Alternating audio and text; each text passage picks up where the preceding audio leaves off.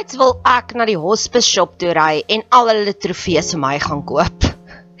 Voel jy nie ook baie keer so dat jy verdien bietjie meer erkenning nie? So viroggend is weer een van daai oggende waar ek het din Sondag, vandag is Woensdag, het ek hierdie ek kon sien, dis 'n brief en 'n half van my een skoonsussie afgekry.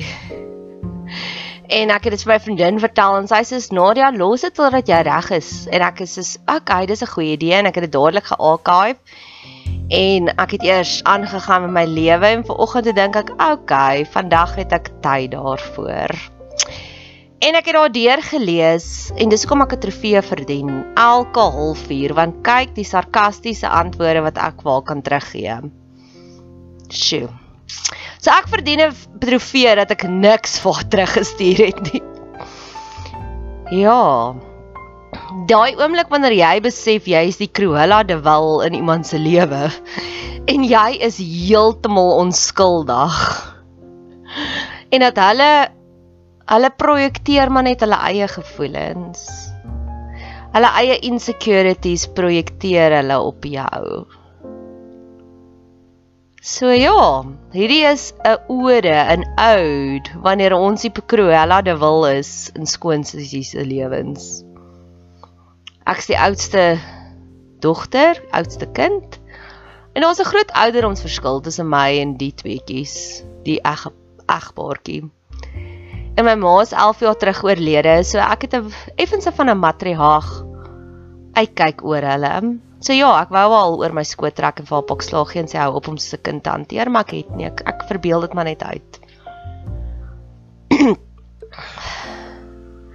ek het altyd vir mense die verhaal vertel om te sê my ma, dit was net nadat Bridgerton uitgekom het wat hulle getroud is. En ek het vir almal vertel dat by ma het ons as dukes en duchesses groot gemaak Kyk, sy het vir my gestuur na 'n tannet toe. Daar was 'n tannet op die dorp, Tannie Anet, in hierdie klein mynersdorpie met al die myner stereotipe wat jy jouself kan indink. It is real. Dink tans Tini, dink ook nie snork nie. Al daai is die waarheid as jy in 'n mynersdorp groot word en dit het my omtrent 20 jaar gevat om dit te detox uit my stelsel uit. Ek was omtrent 5 jaar lank in rehab net om daardie toksiese denkwyse uit my uit te kry. En nou is ek 'n trotse Pretoriaaner. en ek het dis my roots. So my ma het ons grootgemaak as dukes en duchesses.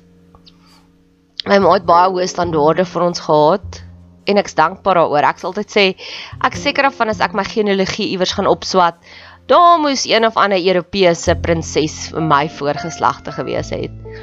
My ma was helfte Europese bloed, Duitse bloed. So sy het daardie ons ons het unieke tradisies gehad en ek's baie dankbaar daaroor en daarvoor.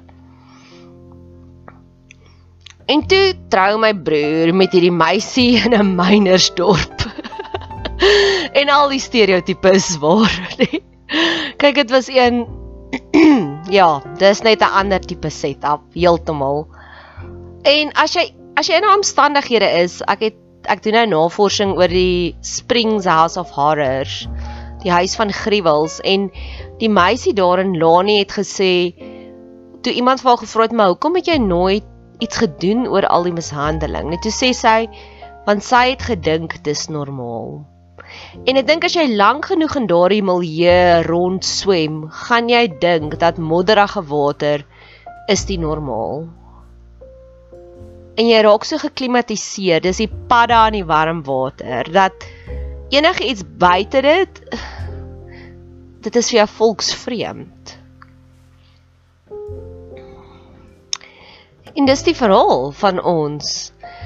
My eerste sarkastiese antwoord wat ek vir haar wou gegee het vanoggend Yes, jy is so 'n antwoord op my gebede, my liefie.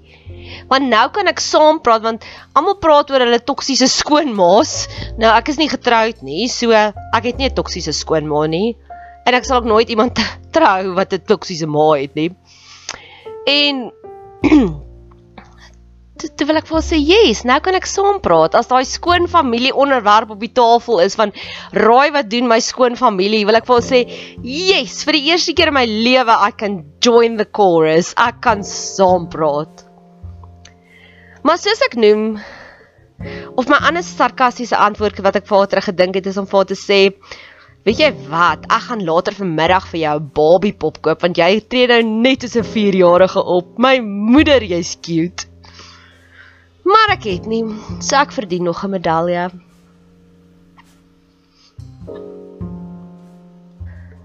Die opbou tot dit was 'n oomblik vir my. Dit was regtig 'n oomblik. Ek was Vrydag, Donderdag aand was ek by 'n partytjie. En iemand het langs my kom sit en sy het vir my gesê, "Hoekom hou jy nie van my nie, Nadia?" En ek het vir haar gesê, "Dit is nie dat ek nie van jou hou nie," en sy's dis nie dat ek nie van jou hou nie, dis net ons het nog nooit 'n moment saam gehad nie. Dis ek van maar kom ons create 'n moment en dan dan is ons vriendinne en ons het ons het daai moment gecreate en ons ek ag gaan nou is een van my vriendinne en dis 'n titel wat ek nie maklik daar plaas nie. En ek het die volgende oggend het ek vir my vriendinne voice note gestuur toe sê ek vir haar Ek wonder of is ons vrouens nie maar almal 'n liggies love deprive nie. En nou praat ek nie van die eros liefde deprive nie. Ek praat van die filio liefde deprived. En hierdie oomblik van hierdie girl se kwesbaarheid, se vulnerability, se dapperheid. Ek 'n dapper meis. Het my so aangeraak dat ek het dadelik vir die skoonse sê 'n boodskap gestuur en gesê hoorie dit het gister aan my gebeur so ek wil nie graag hê dat daar moet enige gevoelens wees en ek het eers besef ek verwerp hierdie girl. Net toe stuur ek vir vir my skoonsussie 'n boodskap want ek besef sy voel verwerp deur my. Maar daar's geen salf meer daaraan te smeer nie. En ek het vir haar 'n lang boodskap gestuur, 'n sweet boodskap hier.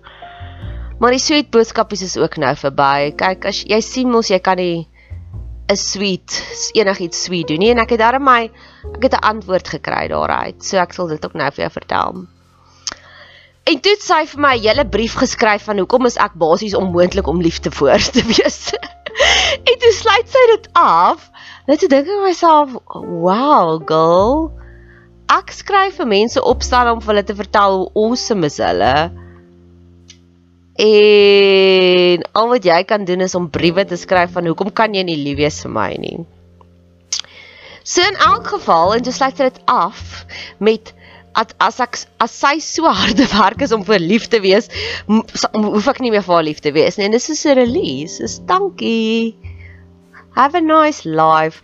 Want sy is reg, sy is harde werk om vir lief te wees. Inteendeel, 'n jaar voordat sy my broer getrou het, het ek vir haar begin bid wat ek gesê het, Here, as sy die volgende mevrou met ons van gaan wees, gee asseblief my liefde in haar my hart vir haar. En ek het liefde in my hart vir haar. Maar is daai tipe van liefde wat ek het vir die queen ook. Ek sien hom net van 'n afstand. So daai oomblik wanneer jy besef jy is die Cruella de Vil in iemand anders se lewe.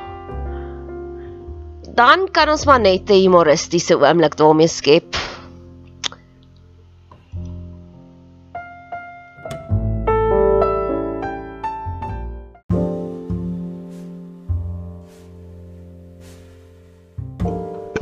Ek sê hulle bly in 'n klein mynersdorpie. So jy weet daai liedjie van I'm just a small town girl living in a daai liedjie en dis so ek al sien. Toe ek daai lang brief lees van hoekom kan sy nie lief wees vir my nie. En dit gaan my verstand te bowe. Ek vra nooit vir liefde nie. Daar's al mense so baie keer net so kom en sê dis hoekom ek nie vir jou kan lief wees nie. Ek sê eintlik het ek nie eers vir liefde gevra nie. I'm all loved up. Ek wil net hê ons moet oor die weg kom. Ek wil net hê ons moet amicable wees. Um maar dis dis hartseer want ek sien hoe klein is haar wêreldjie. As hy so lank soveel verwerping saam met haar kan ronddra. Dis net sad. Dis net so so so sad op soveel verskillende vlakke. As jou lewe so klein is dat jy iemand Ek kan seker optel hoeveel kere in ons lewe het ons mekaar gesien. 10 keer as dit so baie is. En as jy soveel wonde kan oorhou met so kort interaksies en sy seker nou al 6 jaar in ons lewens. Dis net rarig vir my hartseer. En ek is nie 'n persoon wat nie likable is nie. Daar's hierdie klip van Mongani wat hy ook sê as iemand nie die goeie in jou kan sien nie, dan sê hy vir hulle is lekker om jou te ken en jy moet 'n baie moeilike lewe hê as jy nie 'n goed een goeie dingetjie in my kan sien nie. In die they lived happily ever after wat ek hier gekry het met hierdie finale stukkie van genesing want ek glo werklik waar God is die God van genesing en God is die God van bietjie vir bietjie. So ek het twee broers en ek en my ander skoonsussie ek weet nie eintlik hoe om dit te beskryf nie. Aan die een kant wil ek sê sy is amper een van my beste vriendinne. Aan die ander kant wil ek sê sy is die sussie wat ek nog altyd gehoop het ek kon kry. Sy is alles waarna enige sussie op soek is. Sy's diep Sy's slim, sy's emosioneel intelligent, sy's sweet, sy's close, sy love die lewe, sy ja. So die ander boetie, dis vir hom want hy's 'n tipiese peacemaker. Enneagram 9 dink ek is hulle. Waar hulle is peacemakers, maar en ek los hom ook dat hy ook op sy journey gaan want ek was ook op 'n stadium daarvan ek wou die hele wêreld net red totdat ek besef het daai job has been done. Tell us daai Jesus is klaar die redder en al wat God wil hê wat ons moet doen is hy wil net hê ons moet hierdie lewe geniet nou. En dis 'n great plek vir my ander boetie om in te wees. Ek sal eer hom en ek love die feit dat hy so hard probeer. So ek humor hom vir hierdie storie. So hy probeer vrede te maak tussen my en die die paartjie. En hy het hulle gekonfronteer 'n paar maande terug om te sê maar hoekom hoekom hou julle nie van hom nie? Nou hierso kom die toppunt van die ironie, né? Die eerste aantuiging wat hulle gesê het, nie hulle nie, dis nie my boetie nie. Ek is so lief vir hom. Die eerste aantuiging was vir beide my boeties, maar ja, vir ek's lief vir hulle beide. En ek dink ook my en my baba boetie se verhouding intimideer elke stelletjie van die it's just a small town girl. Heeltemal, heeltemal, heeltemal. Ek dink net alles van ons Afrika uit. Want weer eens, my ma Dukes en Duchess groot gemaak. En as jy die peasant is wat introu, Ons kan jou nie help met daardie insecurities wat jy beleef nie. Jy moet dit self met die Here gaan uitsorteer. Maar in elk geval so die middelboetie probeer vrede te maak tussen ons twee. Nie dat daar konflik is nie. Daar's net Daar's net soos die queen se liefde. Ek stem nie met alles saam wat die queen doen nie maar ek gaan ook nie my energie daarop investeer nie. Ek doen ook nie padwoede nie want selfs al toe tak en jy gaan nie verander nie. So ek voel oor oor oor haar, oor die skoon sussie, voel ek soos die slegte bestuurder op die pad. Ek gaan nie eers my tyd investeer in haar nie. Hierdie is cathartic vir my. en ek glo ook Ek het nou gister het ek 'n TikTok video gemaak van betontrokke en God vat al die stukkende stukkies en hy bou vir ons iets magical. So ek bring nou vir hom al my stukkies na hom toe. So ou boet probeer vrede te maak, middelboet probeer vrede te maak. So die eerste aantuiging wat sy gehad het hoekom sy nie van my hou nie, is ek het 'n paar jaar terug, 6 jaar terug het ek een Kersfees vir almal briewe geskryf en ek het blykbaar volgens haar in haar brief haar met my boetie se ex-meisie vergelyk en gesê she she doesn't match up. So dit was die eerste ding. Ek het nie meer die briewe nie want as ek 'n profetiese brief skryf, dan skryf ek vir hom en ek delete hom. Dis tussen hulle en God. Dis nie meer tussen my nie. Ek is net die boodskapper. Ek gaan nie incheck en micromanage nie. Dis nie my plek nie en ek sal ek nie belang na nie. So dit was die een ding. En die tweede ding was hulle was ongemaklik. Sy was ongemaklik want ek wou verlede jaar 'n kamp naweek reël en toe het ek gesê hulle moet deurry na Pretoria toe. Want ek is girl alleen en die twee manne hulle hou mos van bestuur. So toe dink ek julle julle wil dan die mans wees. So laat julle die voorsiener wees dat julle agter my aanry. En ek het ook nie dat ek grandiose is nie. Ons het 'n tannie wat hier bly in Pretoria en so het ek gesê kom julle eerder hier na ons toe, sodat ons nou almal uitry na julle toe. En dis nadat ons aan die begin van die jare 1000 kilos agter hulle aangery het vir hulle bruilof. Want die mynersdorpie was goed genoeg om in geld te maak, maar nie goed genoeg om in te trou nie. So hulle het 'n nog verder venue gekies. So dit was die twee aantuigings wat hulle vir my broer gesê het vir die vir die peacemaker. So toe sê ek vir my peacemaker boetie, ek kan sien dit pla jou, for you I'll kill a bull. Vir jou sal ek deur sewe oseane swem. So ek wil net vir jou sê ek sal vrede maak van my kant of of ek sal nie eens vrede nie, maar daar's nie konflik nie. Daar's net 'n bruised ego, nê, nee, wat net onmoontlik is om mee te werk. En ek het 'n videoetjie vir deur gestuur, daai Ellie Golding van When I'm with you, I'm standing with an army. En ek het vir gesê ek hoop ek en jy kan eendag daai tipe van verhouding hê dat ons mekaar so vertrou. En dis 'n baie heilige liedjie vir my. Ek stuur dit nie sommer net vir enigiemand nie. Maar ek het dit by proxy gedoen want ek's lief vir my baba Boetie en hy is obviously lief vir haar. En sy hou wag van my af. En haar eerste reaksie was: "Oké, okay, so kom kuier vir ons." So dink ek vir myself, okay, so jy was vir 'n jaar lank vies vir my omdat ek gevra het julle moet agter my aanry. So nou kan ek seker ook maar vir 'n jaar lank vies wees omdat sy vir my gesê het ek moet agter haar aanry. So, toets die oomblik wat iemand na my toe kom en vir my sê maar hoekom hou ek nie van hulle nie, so toe ry ek weer uit. En met hierdie uitreik, toe stuur sy toe nou vir my die lang brief 50 shades of why I can't love you. en sy sê vir my en jy was lelik met my in die brief. En sy neem die brief af. En ek kon dit nou weer vir die eerste keer lees. Wat het ek in hierdie brief geskryf? Daar was niks nie. Daar was drie seënwense wat ek oor haar uitgespreek het. En dis dit. So ek het nou my bewyse. Sy was nou vir 6 jaar lank kwaad oor 'n brief wat ek niks lelik gestuur het nie en ek het dit hom vir my ander boetie die peacemaker gestuur so ek okay so sê jy vir my wat het ek nou lelik geskryf in hierdie brief? Wat ek sê absoluut niks.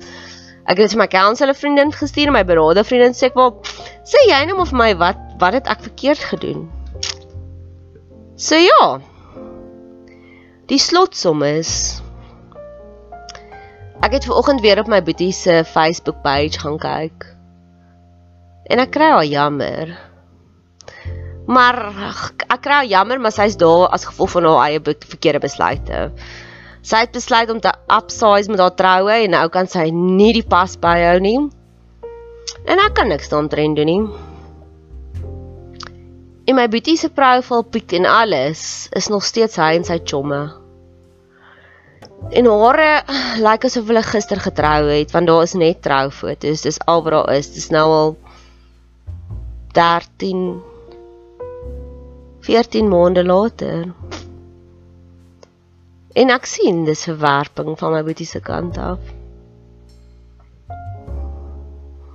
Parayo, hulle kan hulle eie battles fight.